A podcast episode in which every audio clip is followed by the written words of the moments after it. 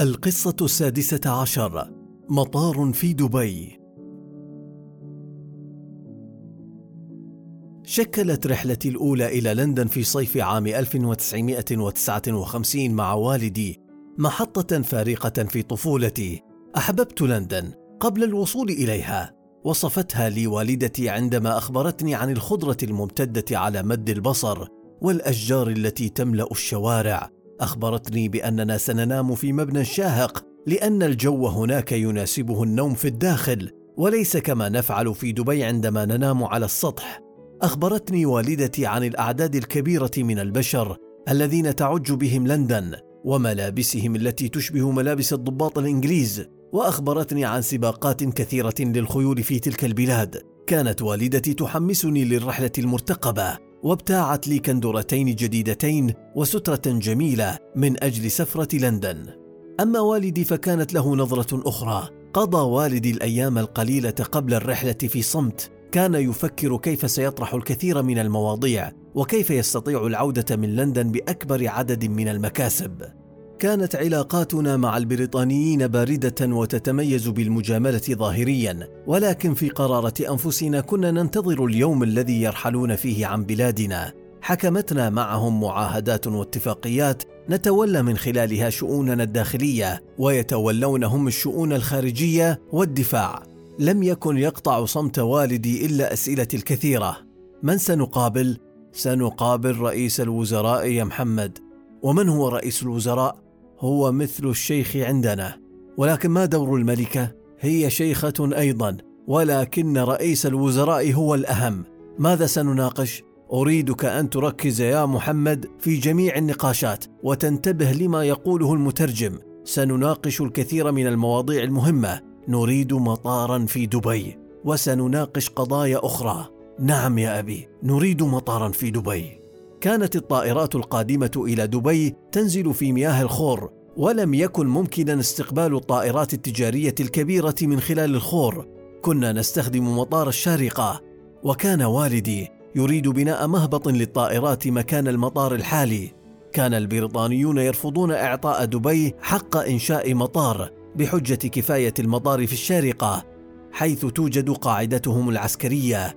كانت نظرتهم أمنية. وكانت نظرتنا تنموية وكانت رحلة لندن محورية لحسم هذا الملف. كان السفر للخارج امرا محفوفا بالمشاق إذ كان يستغرق عدة أيام والعديد من رحلات الربط والتوقف الإجباري في عدة مطارات. وصلنا إلى لندن وقفت خلف والدي أترقب باب الطائرة وهو يفتح وقبل أن أراها من وراء قامة والدي الطويلة. رحبت بي انجلترا بطريقتها الخاصة. بنفحة من الهواء البارد الجاف كان المطار كأنه مستعمرة نمل يكتظ بأعداد هائلة من الناس يمشون بسرعة للحاق برحلاتهم وكانوا يقفون في صفوف طويلة لدخول لندن أو الخروج منها. كان منظر المطار مذهلا ومهيبا منظرا يعبر عن قوة لندن وعن ضخامة حركتها الاقتصادية. كان يكفي أن ترى المطار لتحترم هذه الدولة. لا أدري لماذا ارتبطت حركة المطار النشطة في ذهني منذ ذلك الحين بقوة الدولة أو المدينة التي يمثلها. المطار يمثل الواجهة ويمثل القوة ويمثل التجارة ويمثل رغبة الملايين لزيارة هذه المدينة. نحن اليوم هنا لنحاول بناء مطارنا في دبي. هل سيكون في يوم من الأيام كمطار لندن؟ لم أكن أعرف ماذا تخبئ الأيام لي ولدبي. ولكني كنت أعرف شيئا واحدا لسنا أقل من الآخرين. صافحنا عددا من الأشخاص قبل أن نركب السيارات التي كانت بانتظارنا وطوال تلك الفترة كان الشيخ مكتوم الذي رافقنا يتوقف ليدفعني لأسير أمامه. وإن لم يفعل ذلك كنت سأظل واقفا في مكاني لشدة الذهول. في الطريق جلست وأنفي ملتصق بالنافذة. كانت أمي محقة كلها خضراء. لا وصف كان كافيا ليجعلني أتخيل جمال هذا المكان. كانت التلال المكسوة باللون الأخضر تمتد على وسع النظر. طلبت من أبي تخفيف السرعة كي يتسنى لي الاستمتاع بالمناظر. ابتسم وطمأنني بأنه سيكون لدي متسع من الوقت. وهكذا أسرعنا في طريقنا إلى الفندق. عندما وصلنا إلى غرفتنا جلس والدي على سريره. كان يبدو عليه الانشغال الذهني والتفكير العميق. استيقظت صباحا ولكن بعد ليل صاخب لم يهدأ. كانت أصوات صفارات الإنذار والحريق تقلق نومي. فتحت عيني لأرى والدي يبتسم في وجهي بعينيه. محمد تعال اغتسل وصلي وارتدي ملابسك. يجب أن نقابل رئيس الوزراء. عندما وصلنا إلى شارع 10 داونينغ ستريت مقر رئاسة الوزراء في لندن طلب مني الجلوس مقابل رئيس الوزراء آنذاك هارولد ماكميلان. أو الشيخ ماكميلان كما كنت أسميه. كنت أتتبع حركات هذا القائد وأدرسها باهتمام. شعرت بالاستفزاز عندما رأيته يرفع ساقه ويضعها فوق الأخرى. كانت تلك بمثابة إهانة كبيرة في الجزيرة العربية أن تضع ساقا فوق الأخرى في وجه الضيف. فقد كان هذا السلوك ينبئ عن نظرة استعلاء اتجاه الضيف. كنت مستعدا للتعامل مع الرجل لتصحيح هذا الخطأ الجسيم. قبل أن ألاحظ والدي وقد جلس على يمينه وليس مقابله. عندها تنفست الصعداء وشعرت بالراحة. كان صوت تنهيدتي مسموعا لدرجة أن والدي قرأ أفكاري وابتسم في وجهي ابتسامة صارمة ولكن مشجعة.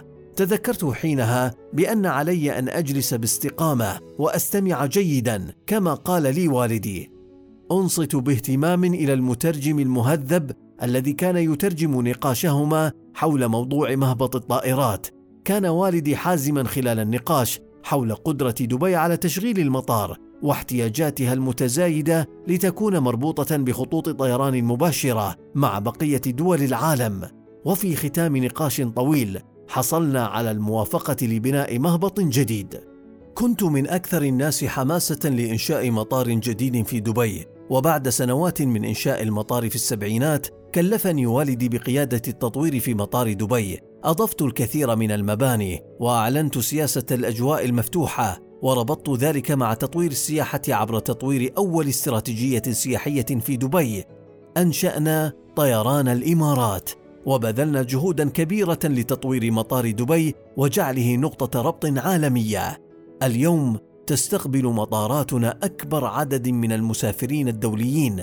على مستوى مطارات العالم وتستقبل مدننا أكثر من 20 مليون سائح سنويا وتزدحم أجواؤنا بأكثر من 113 شركة طيران تربطنا مع جميع مدن العالم.